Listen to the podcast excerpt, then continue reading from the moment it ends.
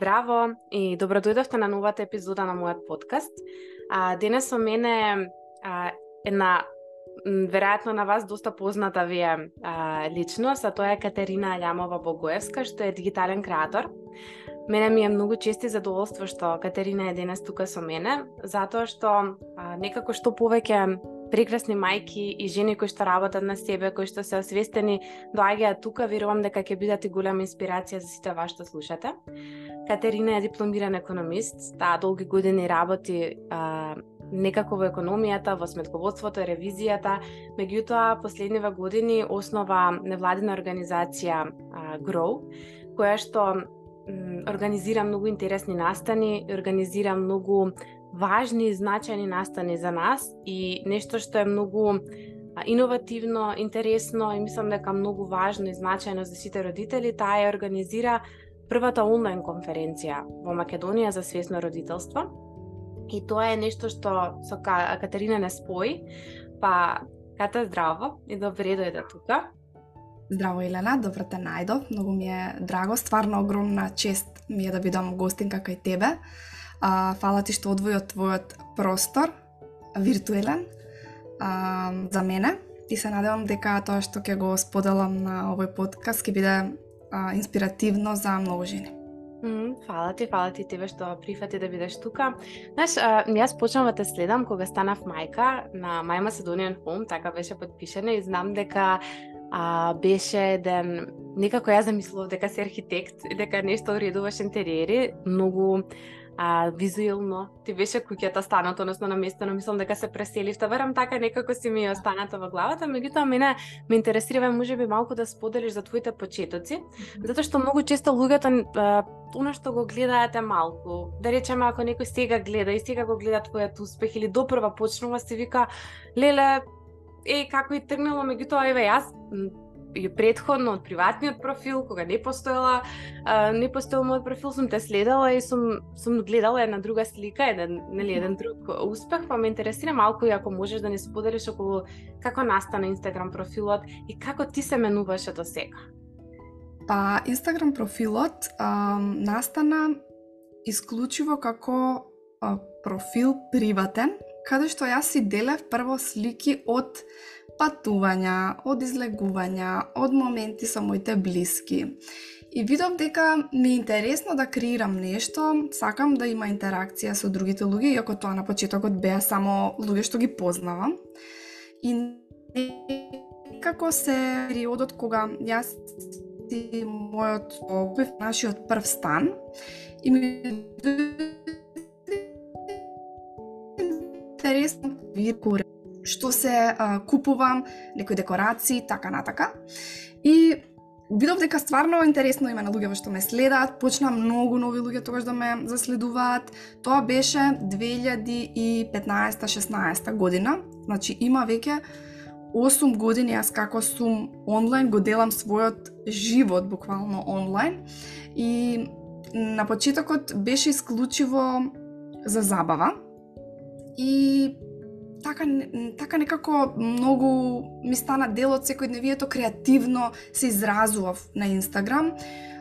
многу сакав да правам интересни слики, значи ги местев аглите во домот, па потоа споделував, тогаш не беа ни толку популарни сторис, меѓутоа почнав да споделувам сторис, не знам како нешто сум купила, сум пронашла од негде, па ќе го означам од каде и така натака. И многу многу луѓе се собраа баш поради My Macedonian Home, односно а, креирање на некој кози простор во домот, а, интериор дизајн, а, уредување, така. А, меѓутоа, тоа почна да се менува откако јас станав мајка.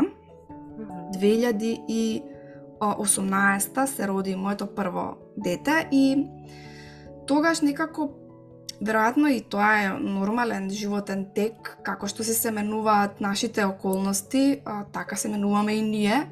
И почна тогаш да ме интересираат сосема други работи, како на пример на почетокот нели прво собата детска или бебешкото катче, а, некои производи за бебе, и така полека полека почна да се менува и содржината на профилот, некои интересни а, а, производи или совети, така натака. И тогаш во тој период некаде се сеќавам дека а, почнаа и првите официјални соработки а, од брендови.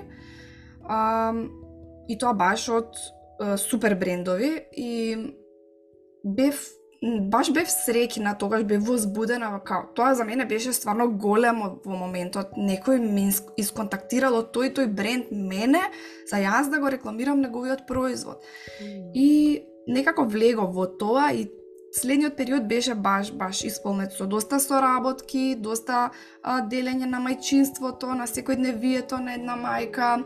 А, меѓутоа малку беше одгледано од овој аспект тоа се површински Затоа што повеќе ме интересираа производи, облека, пелени, уредување, а многу помалку она развојна страна на детето, однесување, емоции, грижата за мајката и така натака. И како се повеќе наблегував во мајчинството, па почна околу мене да се отвараат можности, некои ресурси. Потоа некако почна да преминува профилот во една друга насока. Почнав да работам во тој период на себе, осознав доста работи за мајчинството, дојдов до некои ресурси а, за, за родителство, па, дознав дека има и друг начин, поразличен од оние традиционални начини на родителување кои што јас ги познавам и тоа исклучиво од наследени од околината, мојата мајка, мојата баба и така натака. И профилот некако после, не знам, 2020 решив да го сменам името во моето лично име, затоа што чувствував дека веќе не сум My Macedonian Home, веќе не зборувам исклучиво за домот, за уредување и така натака, туку а, ја, ја прошир, го проширив својот интерес и почнав и за други нешта да се интересирам и да зборувам гласно на мојот профил. А, Почнав доста да зборувам за личен развој, за родителство. А, доста сакам да експериментирам. Јас никогаш не сум се плашала да експериментирам, затоа што сакам да истражувам што ми се допаѓа, да видам каде ќе ме води тоа. Та така и мојот профил доживува промени од време на време. Тоа значи дека во мене се случува промена. А, меѓутоа, она каде што сум сега е многу различно од тоа каде што почнав. Успехот не е преку ноќ, а, јас престанав со работки со брендови, исклучиво работам на својот личен бренд. Mm -hmm. а, со работки може да се случат а, со а, конференцијата како настан, меѓутоа со мене лично а, многу, многу пребирам, многу ретко и некако избирам да се насочувам сега а, на, на, на други теми, имам поинакви малку вредности, Така што, да, тоа се случи пред 8 години и од тогаш многу промени се случија на мојот профил. Колку многу години се всушност, а знаеш вака некако ако размислам, значи јас те следам ја да речеме 5, од кога сум станала мајка 6 скоро. А, не, помалку, веројатно 5 те следам како ти си станала мајка, така некако веројатно сум те заследила, а претходно имало уште цели 3 години кои што еве јас не ги знам, можам да замислам за сите тие нови кои што те следат. Некаде додека објаснуваше, сподели дека во еден момент си почнала да работиш на себе, А има ли нешто што ти беше како ајде да речам некоја точка на на вриење или можеби нешто што те поттикна да еве а, сега ќе почнам да работам на себе или можеби некој што те инспирираше, не знам, книга, подкаст, видео, нешто што се случи тој период, еве да. како како дел, ако сакаш да не споделиш. А па јас за разлика од многу мајки со кои што сум разговарала, јас ам, не доживеав некој стрес голем, мислам стрес, стрес мајчинството, станувањето мајка е само по себе стрес и голема промена, меѓутоа јас мислам дека имав многу поддршка и многу помош во тој период и многу лесно го доживеав, ми беше пријатна ми беше пријатно целото породилно, многу уживав во него и често излегував заедно со Матео и со мои другарки на кафе. И една од моите другарки ми предложи една книга тогаш да прочитам.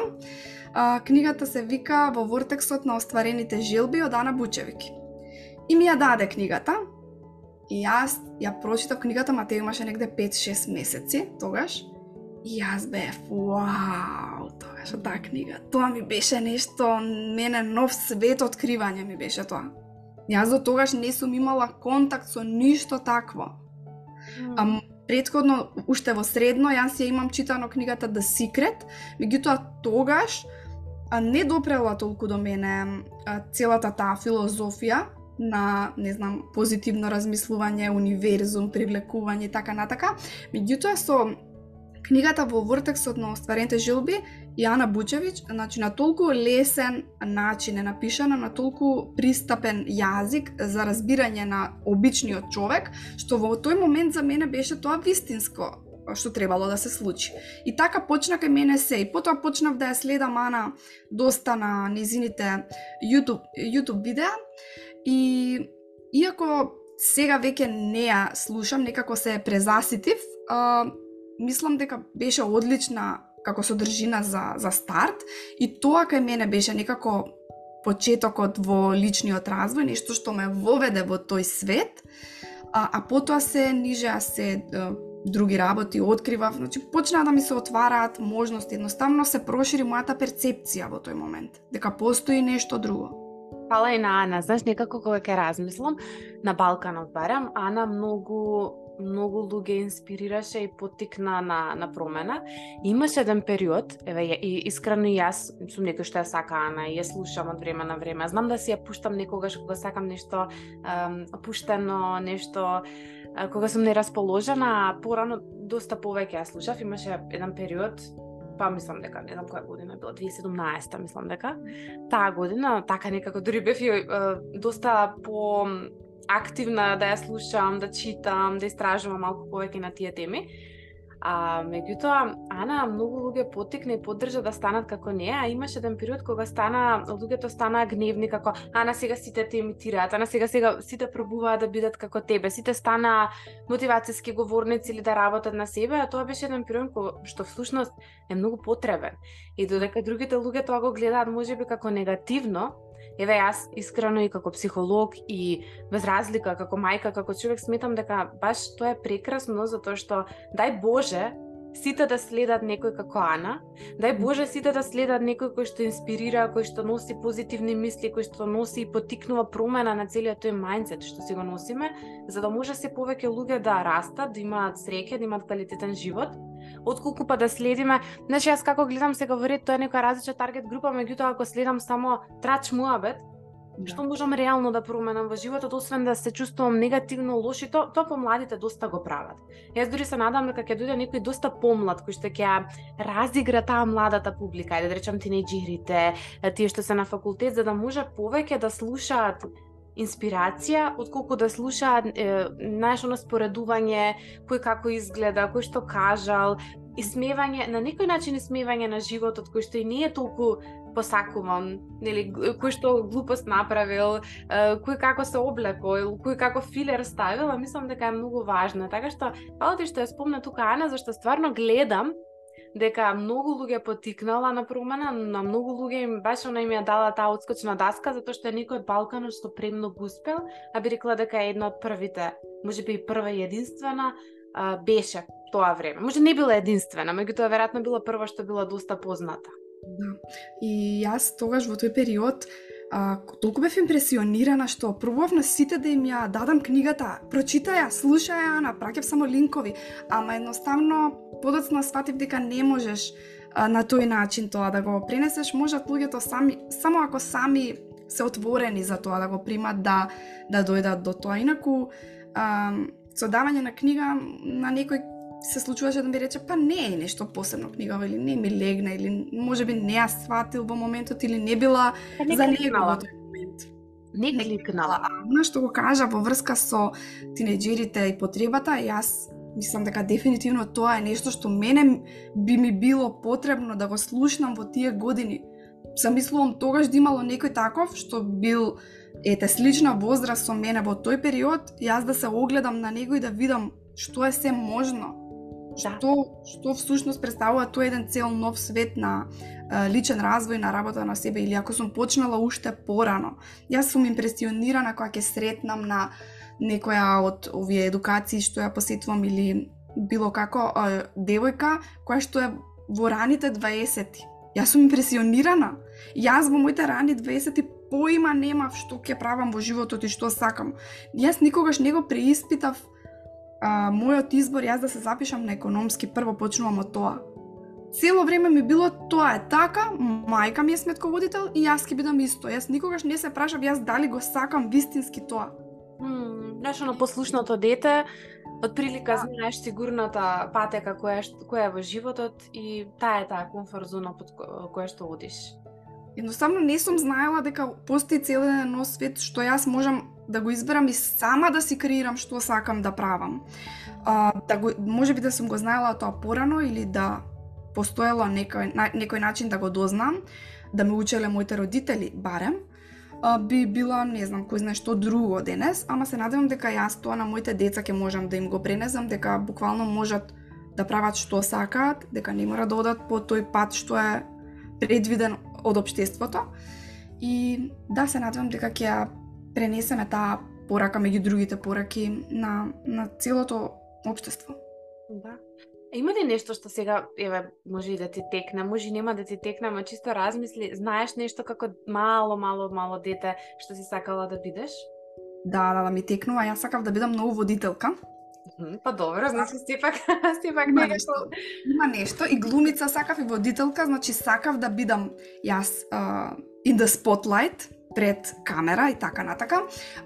Со баба ми и дедо ми игравме квиз, јас обавезно бев водителка, никогаш учесник и им поставував прашања, ја отварав емисијата, значи ја, нешто што од секоја сум го сакала е да, тоа да сум во спотлайт некако. И мислам дека иако јас често заборавам дека тоа го имам а, и го го подценувам едноставно, кога ќе ми каже некој друг колку ти е лесно на тебе да бидеш негде во живо да зборуваш или да зборуваш општо пред луѓе, а, сваќам дека јас стварно го имам тоа, може би вродено, меѓутоа и е некој талент на кој што јас работам постојано да го подобрам. да, супер. Супер беше убаво ова што го сподели. Да, и е талент, меѓутоа наш талентот е како јаглен изваден од земја, ако не го истругаш нема да стане убав диамант. Мислам, тоа е баш оно диамантот кој ќе се изведи не е тоа тоа и така и со талентот ние мораме постојано да стругаме, да работиме, да да се трудиме да излезе, да се подобри. Ова е многу интересно што што го споделуваш затоа што еве на некој начин пак а, тоа што сега ти го правиш и со подкастот, и со конференцијата, и со општо сите некои активности што ги преземаш, самиот Инстаграм како еден медиум каде што мораш да се пројавуваш е нешто што е поврзано со тоа водителство, со зборување, со едно водство.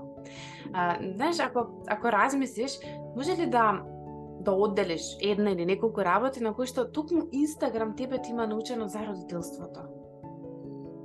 А, во периодот кога јас а, почнав да се интересирам за родителство, тоа беше пред 5 години, кога се роди Матео, немаше нешто на Инстаграм многу за родителство баш, да бидам искрена.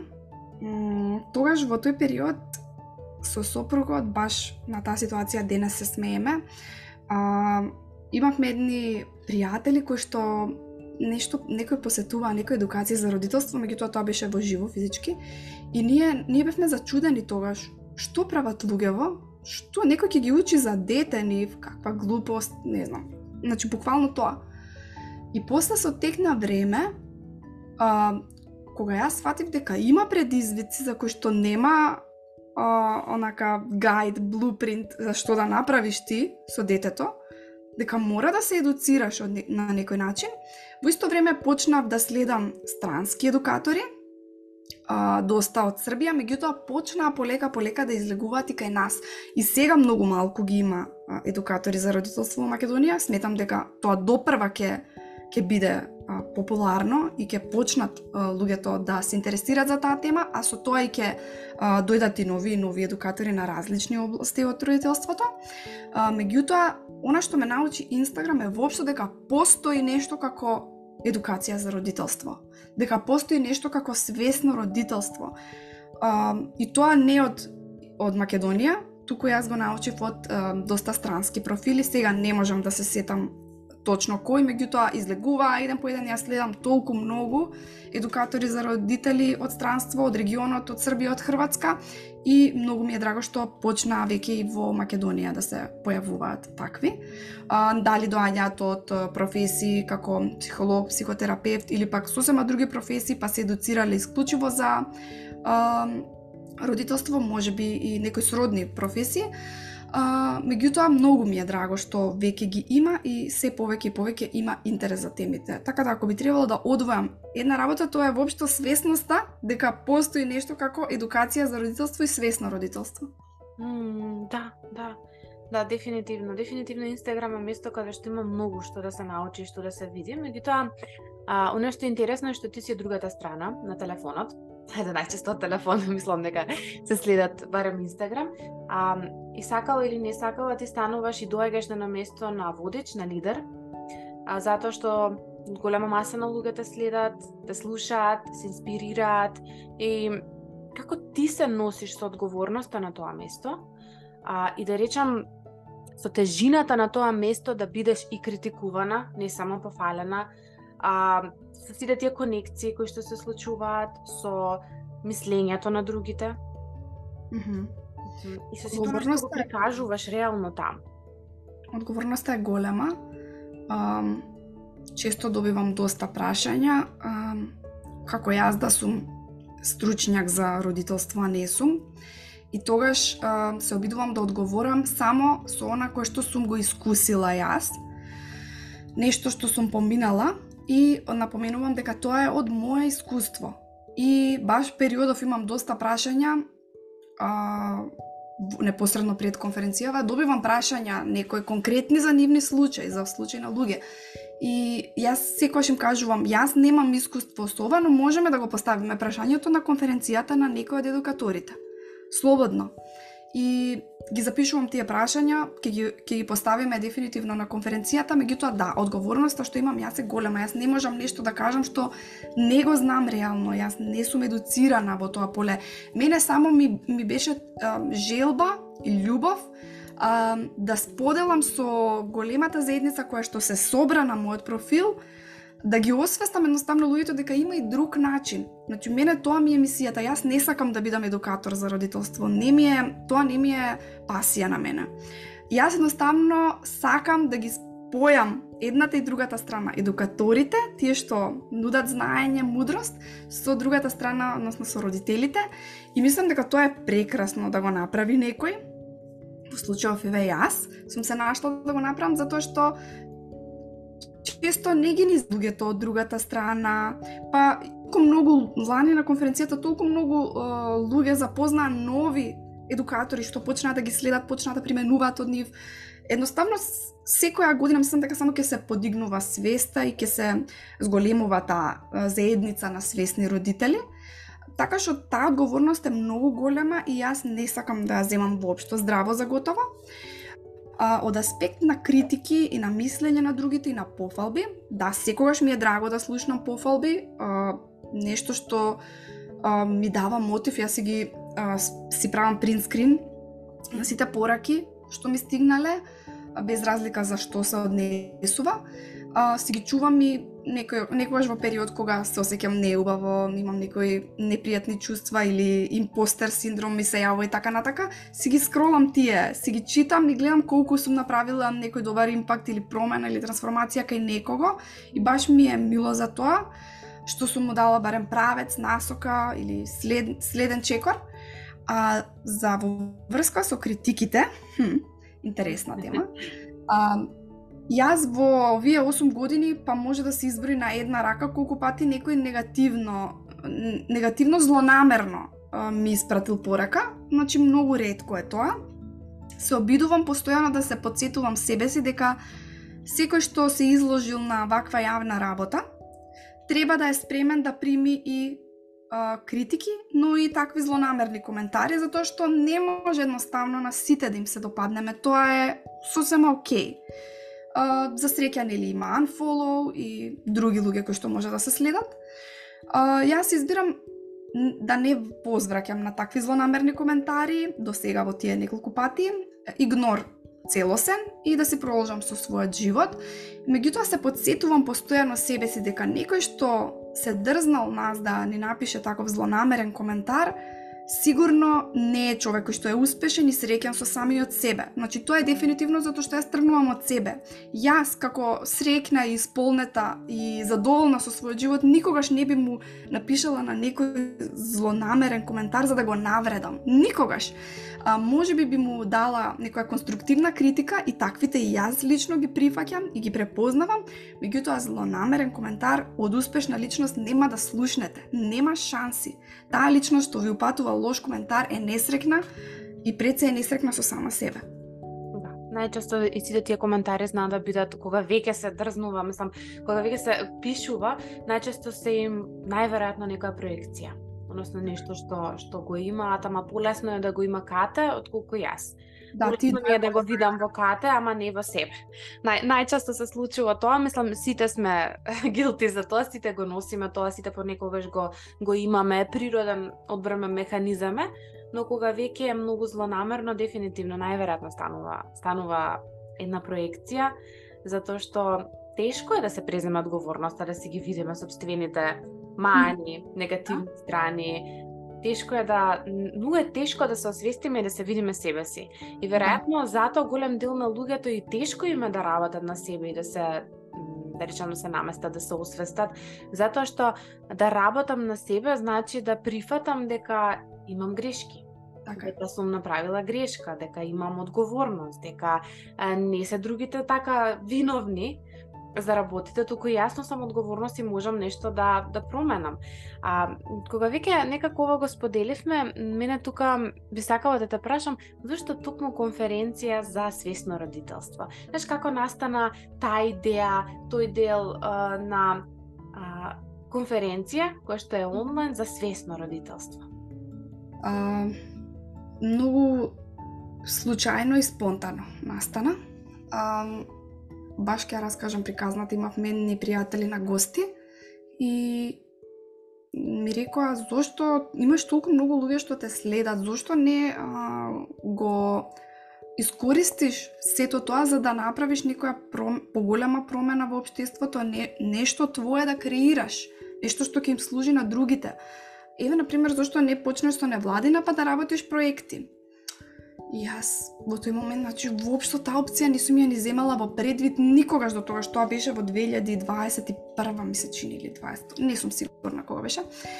И вау, само реков, па да, може тоа да се случи, беше онака чиста инспиративна акција. Јас не ни знаев што ќе правам. Ја основав за неколку дена, заедно со сопругот, невладината организација, и кога требаше да се аплицира за проект, јас само реков, ќе правиме настан и тоа ќе биде виртуелен и ќе биде за родителство. Толку беше. Значи тоа ми дојде од еднаш во неколку дена ова се се случи. Не можам ни да го објаснам како ми дојде. Едноставно во тој период запознав многу луѓе кои што мене ми се споја во главата како предавачи на конференцијата. И си реков зошто да не, ова ќе биде супер. И на почетокот очекував и за мене ќе беше огромен успех да дојдат 100 луѓе на конференцијата а лани дојдоа 730 луѓе на конференцијата. И јас бев... Бар бројка. Да. И си реков, ова е стварно било потребно, значи не ме излажало во тој момент што и да е тоа, интуиција, инспиративна акција. Тогаш уствари се се создаде конференцијата, спонтано е, се ја нареков конференција, ма стварно е конференција. Uh, така што Да, мислам дека треба да си ја следиме таа инспиративна акција која ќе се јави во некаква форма, да не ја потиснеме и да ја речеме кјути, ајде сега не е тоа битно, туку ајде да видам каде ме носи, што кон што ме води. Mm. А, а мене ме донесе стварно многу убави работи. Мислам, јас дознав многу за себе организирајќи ја оваа конференција, дознав што сакам, а што не сакам, баш тоа го споделив вчера на еден од моите постови и Јас во со целава организација и со реализација на конференцијата всушност јас сватив дека јас сакам ова да го оставам како еден вид легаси наследство мое, да го оставам за добро на општеството. А, сакам да да да се крене свеста кај луѓето, меѓутоа јас не сум заинтересирана јас да а, едуцирам за родителство лично. Мене ме интересира она позадината, јас во тоа ја наоѓам радоста, во целата организација, во собирањето на луѓето, во процесите, во логистиката, во тоа мене ми е радост. Јас ми треба 2-3 години за јас да сватам дека во тие работи јас се пронаоѓам и ми се убави, интересни и ме радуваат. Ај многу е тешко, знаеш, многу луѓе не ја гледаат таа, да речам, улога што е многу важна, цел тој позадински дел на да можеш да менаџираш и да направиш нешто кое што ќе одговара за сите, кое што ќе биде видено, кое што ќе стигне до поголем број на луѓе, да можеш да си тој медиум кој што ќе ги спои луѓето е многу тешко и многу често, е да речам многу професионалци. Ке, ке тргнам од мојата професија, меѓутоа ова мислам дека за секоја професија, особено што е вака, знаеш, оно типот на услужно нешто каде што даваш, нели, продаваш свој час или свое знаење.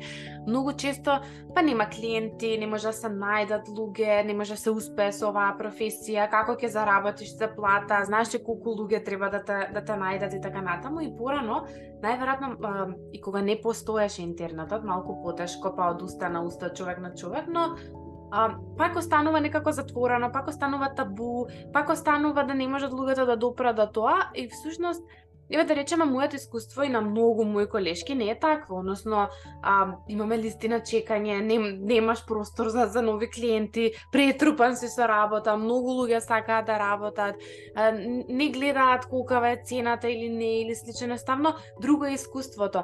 И кога јас ке размислам, дефинитивно ова што ти го носиш, што е многу тешко, е токму тоа, затоа што на крај на денот и мене ме откриле луѓето преку препораки, односно преку некој кој што е на Инстаграм, конкретно јас јас на Инстаграм пораснав. Предходно ниту сум имала толку многу клиенти, ниту сум имала а, подлога да можам да отворам приватна пракса. Реално со 5-6 клиенти во месецот не можеш да да плакаш ти, не мислам, потполно цел, цел бизнис да, да имаш во позадина.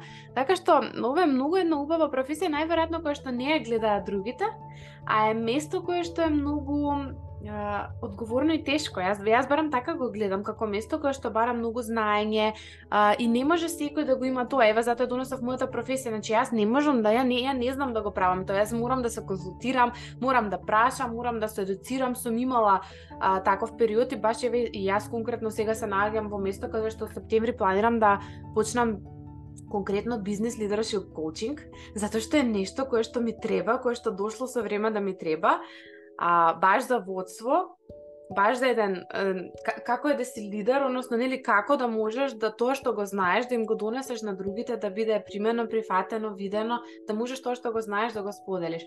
Те браво за тоа, затоа што е стварно многу одговорно и некако сакам да те прашам Еве ти лично, искрено, што мислиш што е најважно за тебе за да се биде свесен родител? Најважно е, ако можеш да одделиш нешто. Па тоа што го спомна ти пред малку, да се биде свесен сам за себе пред се.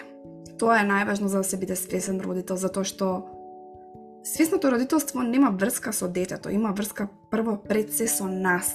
Како е наш, каков е нашиот однос со нас? Дали а, ги гледаме собствените мани и недостатоци и сме спремни да работиме на нив или знаеме да приметиме кај некој друг, а кај нас викаме не, не, а ние го правиме истото всушност. Така што прво, на прво место е самосвеста, секој за себе, да биде свесен, да работи на тоа и потоа нема шанси таа личност да не го прави истото и за своето дете, да го води правилно. Затоа што тоа сме ние за нашите деца. Ние сме а, лидери.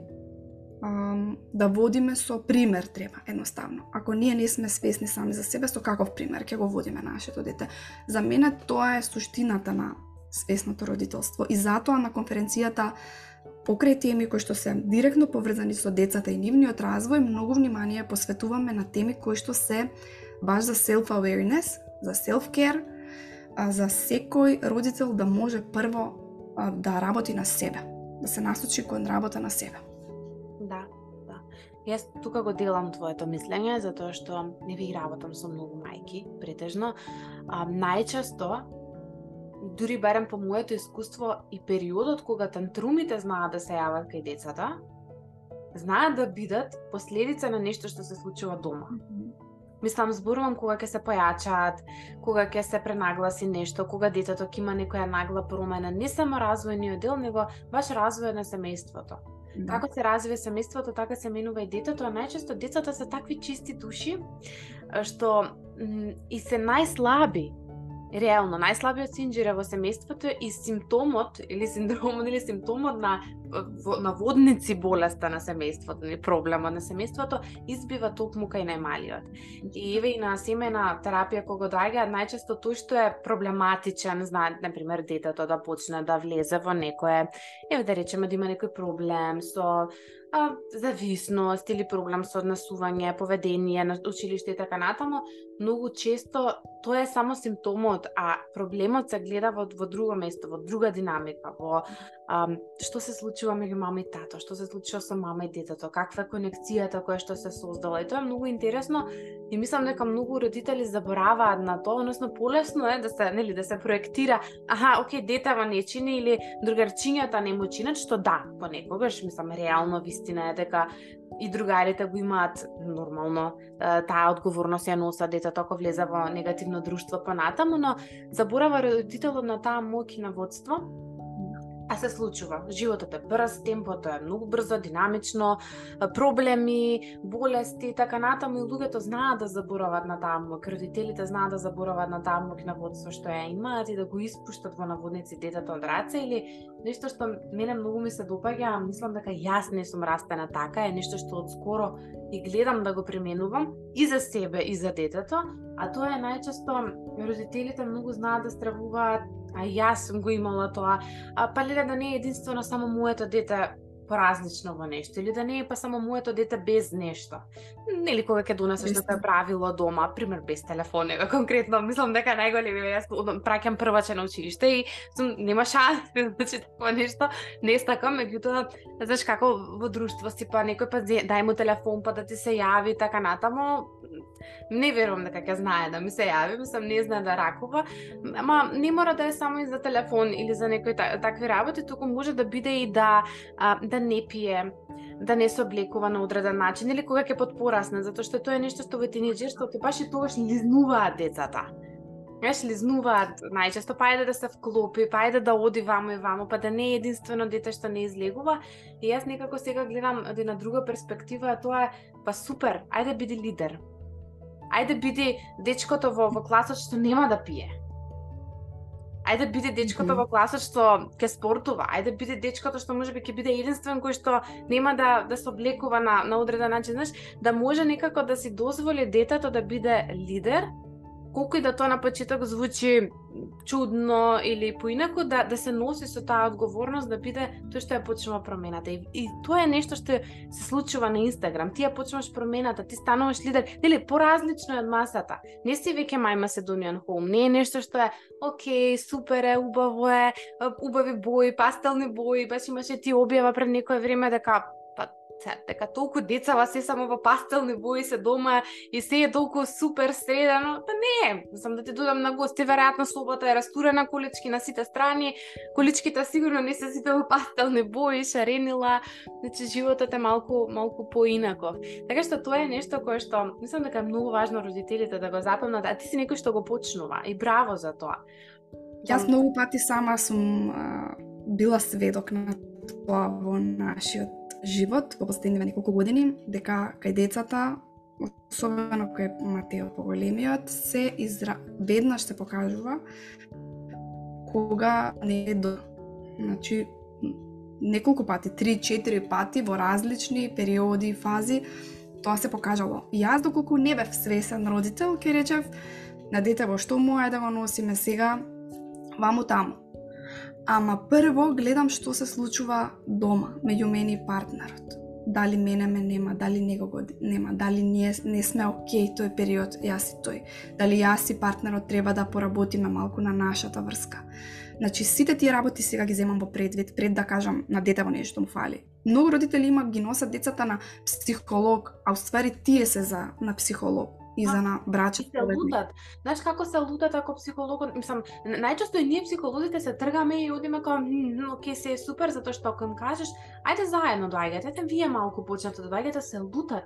Мислам, на вистина се лутат и почнуваат да го мразат дури психологот. Еве јас не сум имала лично такво искуство, меѓутоа кога одам на супервизија, колешки споделуваат, знаат да, да, знаеш како да му кажам на родителов, како да се освести, едноставно потребно е веројатно многу погласно да зборуваме на тоа дека да, оке, нема совршен родител, на крај на денот свесен родител е баш несовршен родител кој што застанува и вика, чекај малку, каде сгрешив сега, ајде да видам.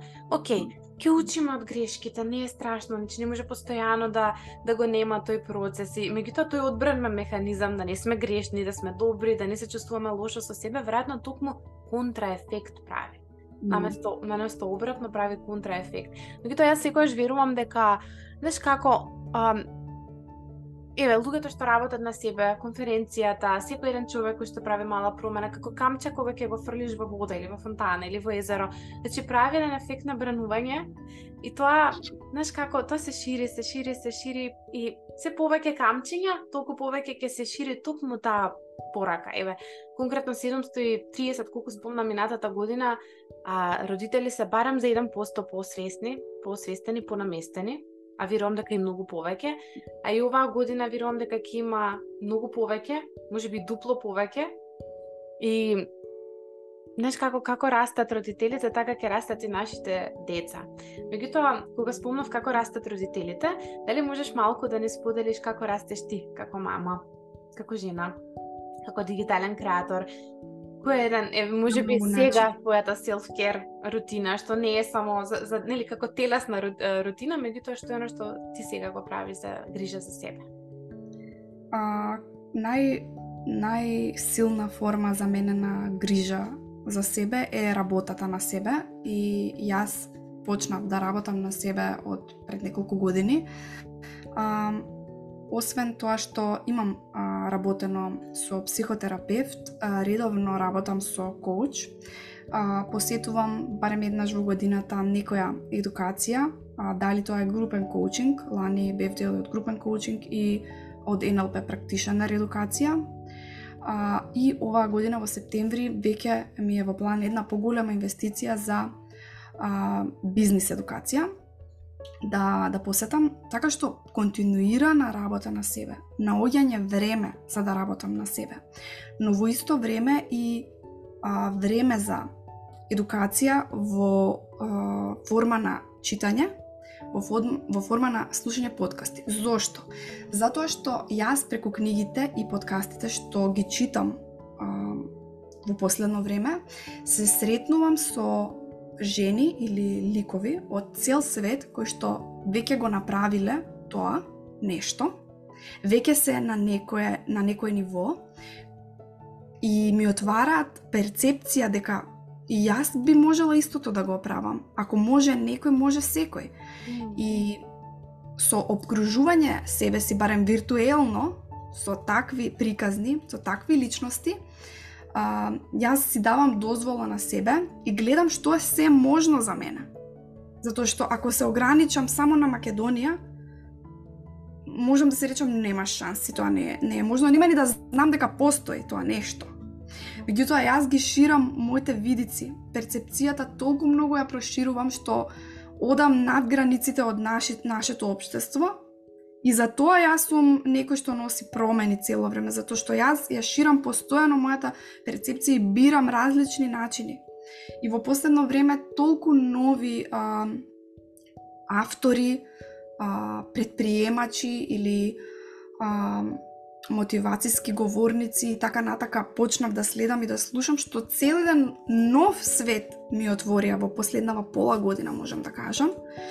И толку многу се пронајдов во доста од тие приказни што дури сега гледам што се е можно за мене во иднина.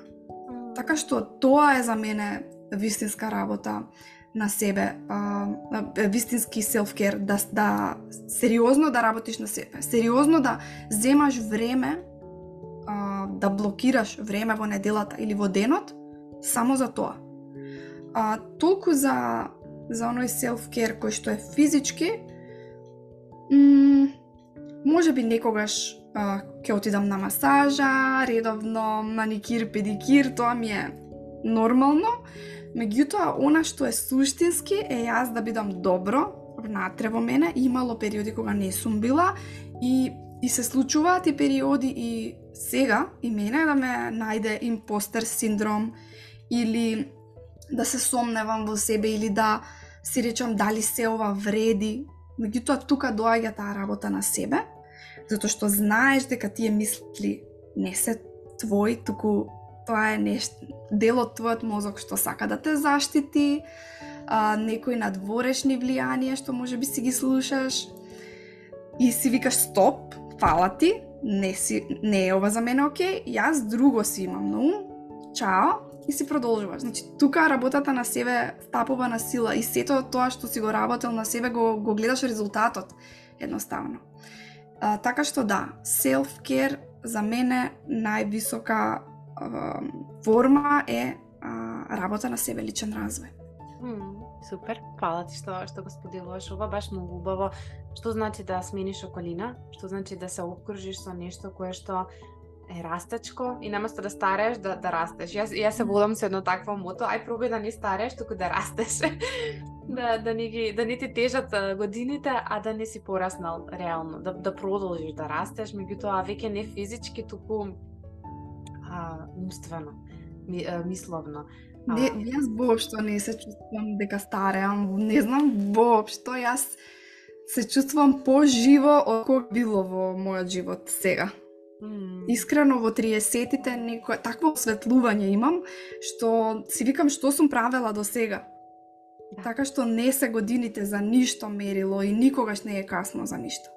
Да, па работата на себе всушност ја носи таа живост таа таа радост, радост да се живее и да, да, да го искористиш денот, да имаш што да правиш. Но кога се вратам назад, mm -hmm. затоа викам убаво е тинеџерите да се обкружуваат со growth mindset, со растечки mindset. Не сум сигурна кој точен превод би бил, малку сме сиромашни со со зборови, меѓутоа да да растат, да видат кои се сите тие можности кои што можат да ги имаат. А овде во Македонија мислам дека уште ам, се затруени со политика, со нешто негативно или знаеш, еве нешто ново барам јас сум а, тажна, кога ќе слушнам дека а, најчесто се ставаат имиња кои што се интернационални на дечињата што се раѓаат, затоа што, еве, со повеќето што сум зборувала, ама да му е полесно во странство, или ако отиде во странство, лесно да му се чита или изговара името. Многу го имаме тоа, мислам, го имаат општо. Јас застана во еден миг и си реков колку е ова тажно. Ги... се губиме, го губиме. Спремаме од дека ќе се селат да, ги спремаме да се селат, а не да останат и да го јакнат коренот, а не е дека е толку лошо, не е дека немаме силни корени, не е дека нашите предци немале една силна борба за да се стигне до тука, зашто знаеш од една страна да може на вистина а, имало грешки што е природно и ние ќе имаме многу грешки, идната генерација ќе ги поправа, меѓутоа мислам дека ни недостасува таа една голема благодарност што сепак не донале до тука и до деца кои што се свесни може да направат промена, затоа што ние не сите мораме да бидеме пример печалбари сега и да одиме како одреден. Немаме таква глад како како некогаш. Фала Богу немаме ни војна сега, значи пак некои работи се смениле доста. Точно така, да. А, а сакам само да а, напоменам дека да, свесна сум дека не се совршени условите во нашата држава, меѓутоа ако излеземе надвор или ако нашите деца излезат надвор со ист мајндсет, дали мислите дека таму ќе успеат? Значи, кај да си нема врска, можеш да успееш и од тука со правиот мајндсет, како што ти глава таму. Како твоето мото што е, додека не си среќен со тоа што си ти внатре во себе. Така, Значи јас можам да отидам и да сменам а, земја, да живеам во Шведска или во Данска.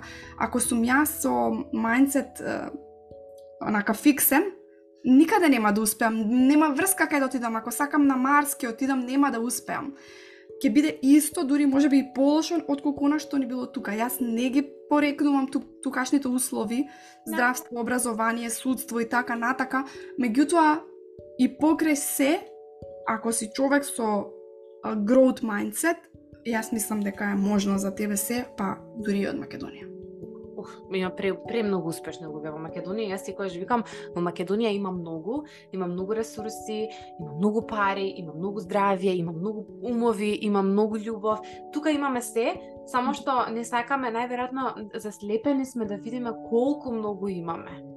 Да. Колку многу имаме. Кога ќе се освестат веројатно луѓето колку многу имаат, малку поинаку ќе ќе почнат да гледаат на на сликата. Нормално секаде во светот има некои што нема, тука не не ги спомнувам тие поларности екстреми, меѓутоа дефинитивно сметам дека имаме доволно ресурси тука и имаме добро образование. Да знаеш, еве јас тоа гледам на пример психолошката школа, државниот факултет, институтите ги се квалитети до човекот е што ќе избере и колку ќе избере да учи да се дојде едуциран. Значи, факултетот е, татко ми што вика, факултетот ти е или на карта за во кино. Твое ти дали ќе го разбереш натре филмот или нема да го разбереш филмот. Мислам, знаеш ти ти ќе влезеш, окей, еве ти го. А колку ќе се ја разбереш работата и ти убаво го сподели тоа. Важно е детето да во контакт со себе да знае човекот, еве иако 30, 40 и 50, никогаш не е доцна да се смени некоја професија окей, ова не било за мене. Или беше за мене до сега, сега сакам да го променам и имаме права да го промениме. Меѓутоа, додека сме за self-care моментот, имаме на прашање кој што сакам тебе да ти го поставам и на сите мајки го поставувам, а тоа е а, како е да се биде мама без драма, односно како успеваш да бидеш мама без драма, да бидеш автентична, да пробуваш да си што е можно посмирена, нели свесна, меѓутоа најважно среќна. Па, најмногу би, би кажала тоа го носи за мене работата на себе и со работата на себе и работата на партнерските односи. Mm -hmm. Затоа што не можеш да работиш на себе, а да не чепнеш од таа тема, партнерски односи.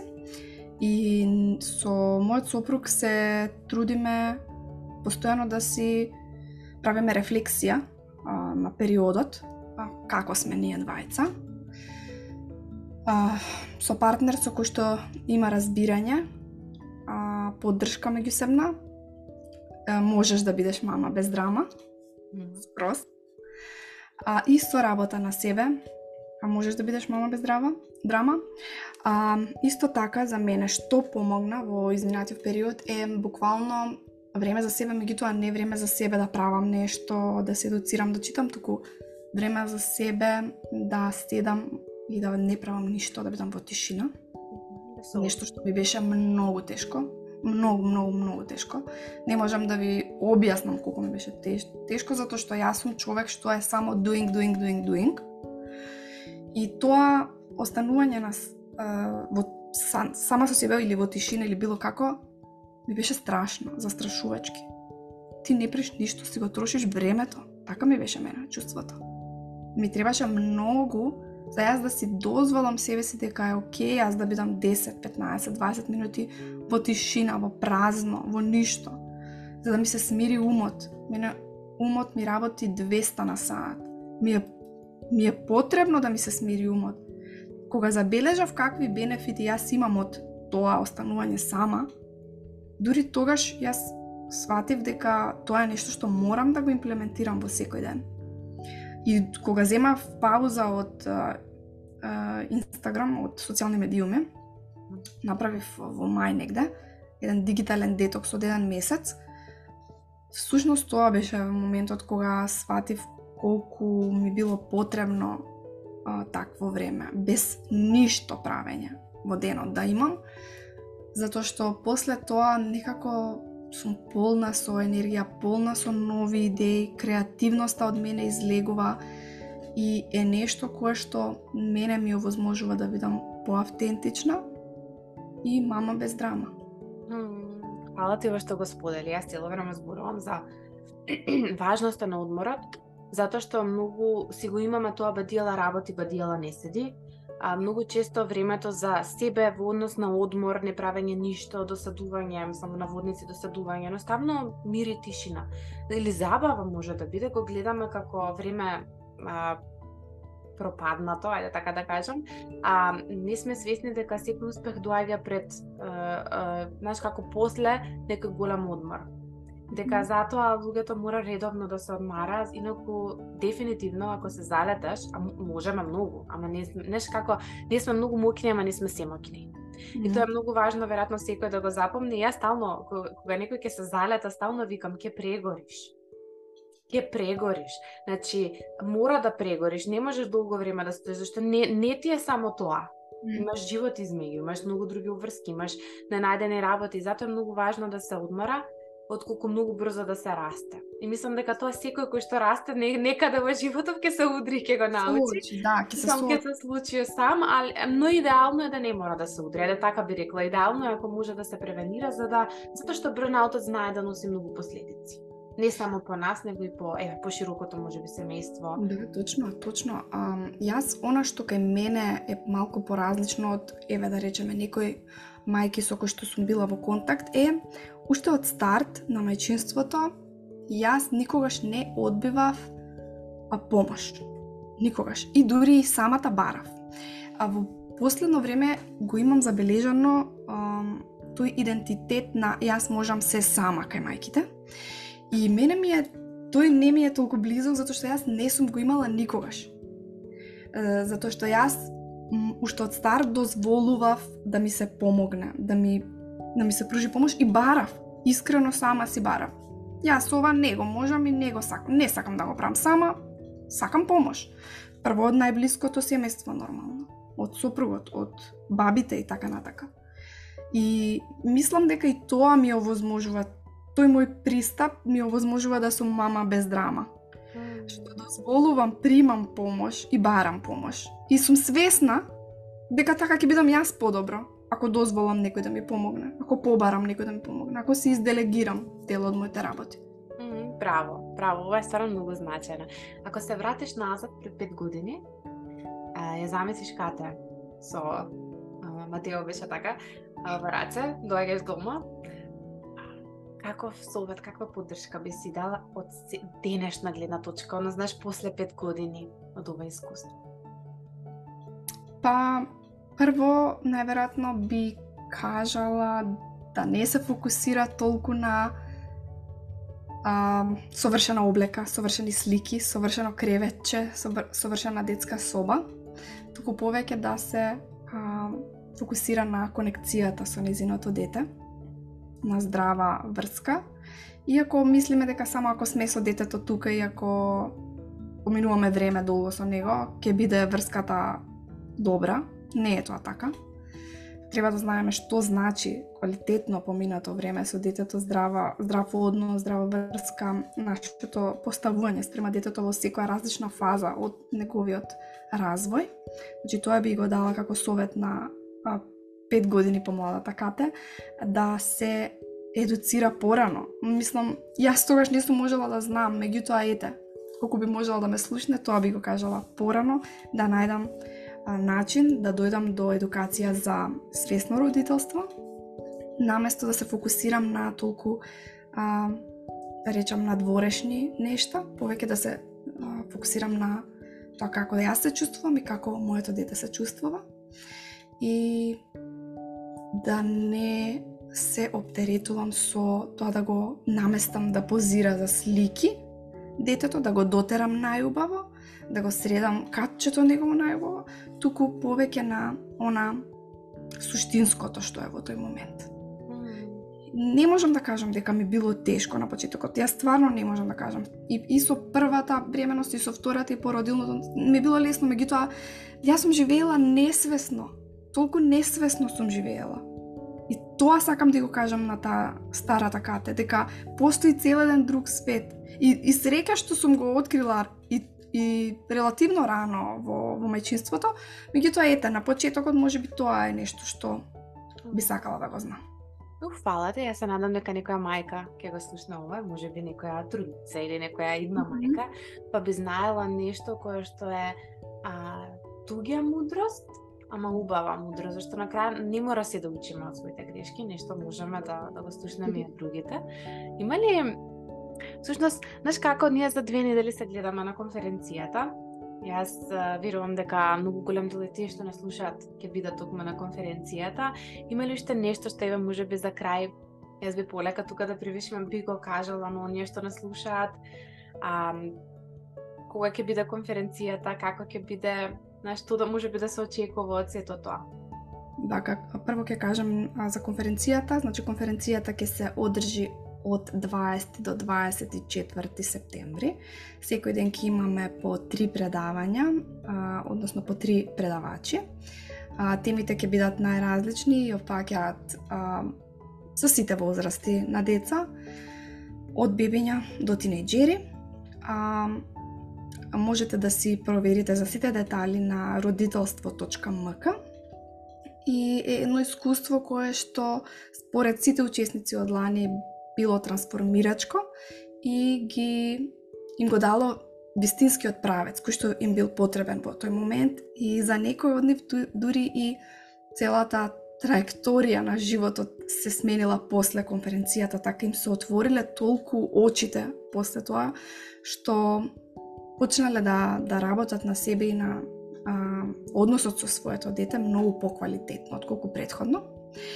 А во однос на нешто вака што би сакала за крај да го да го споделам со сите, тоа би било да се учат што повеќе ден по ден да се слушаат сами себе, да си го бараат тоа нешто што ги прави вистински среќни, да престанат да живеат по автоматизам, едноставно.